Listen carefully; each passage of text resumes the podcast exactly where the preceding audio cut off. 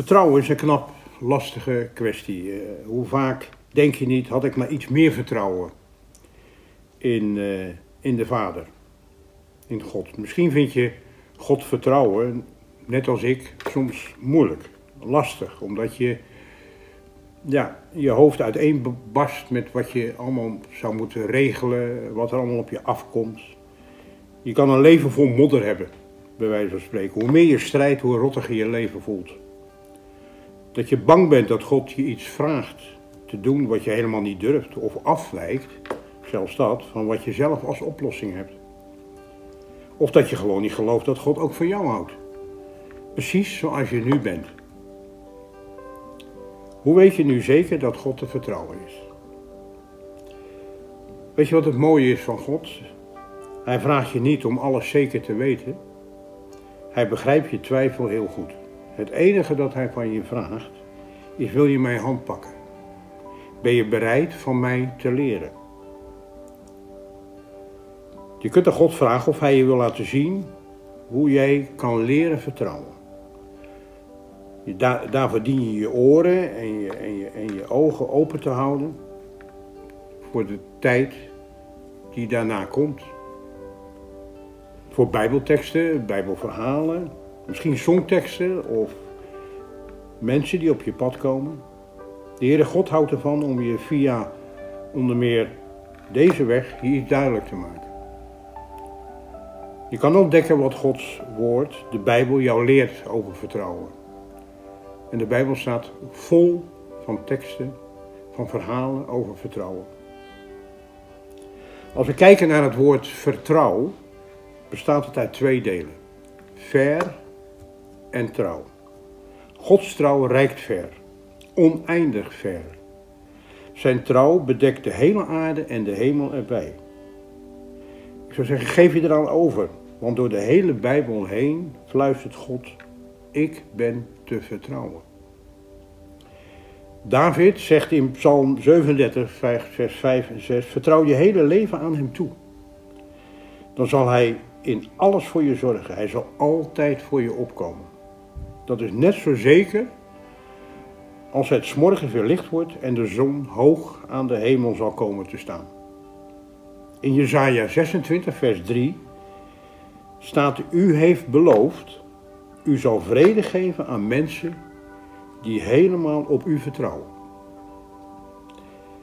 Accepteer Gods trouw. Gods trouw is een van de mooiste karaktereigenschappen van God.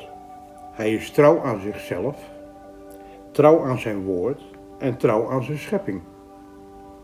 God is intens betrouwbaar.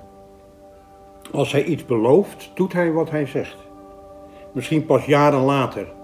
In dat verband denk ik aan Abraham, die heel lang moest wachten op de vervulling van Gods belofte. Maar hij zal doen wat hij heeft beloofd.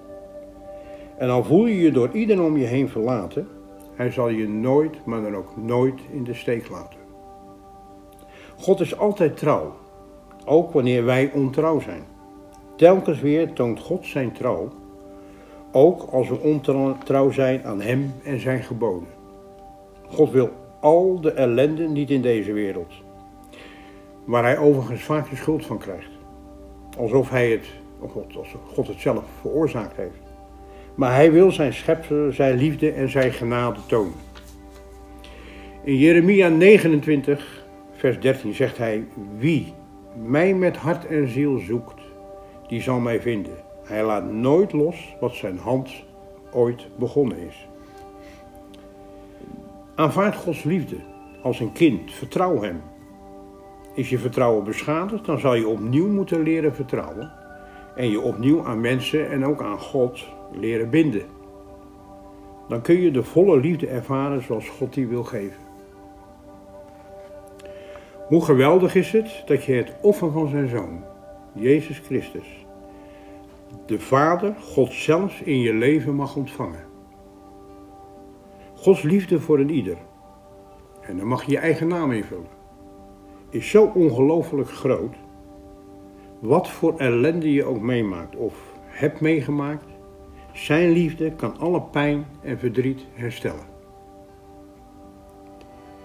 Pas als je je ik wil graag alles onder controle hebben, neiging loslaat en je gewoon stapje voor stapje op weg gaat, kun je je vertrouwen op God ontwikkelen.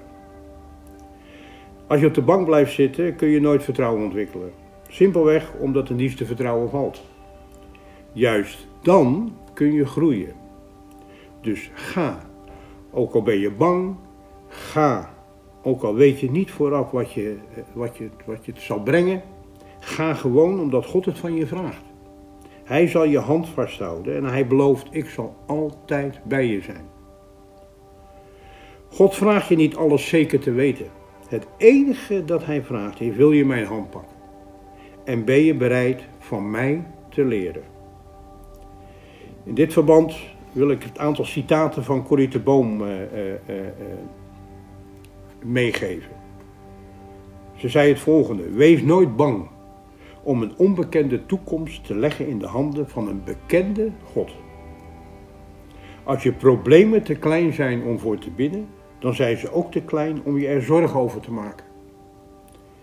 En het laatste citaat van Corrie is: Heer, dank u dat u niet een groot geloof vraagt, maar geloof in een grote God. In Romeinen 15, vers 13 staat: Mogen God, die ons hoop, vertrouwen geeft, u in het geloof geheel en al vervullen met vreugde en vrede, zodat uw hoop, vertrouwen, overvloedig zal zijn door de kracht van de Heilige Geest. Ik wens u een heel fijn weekend. Amen.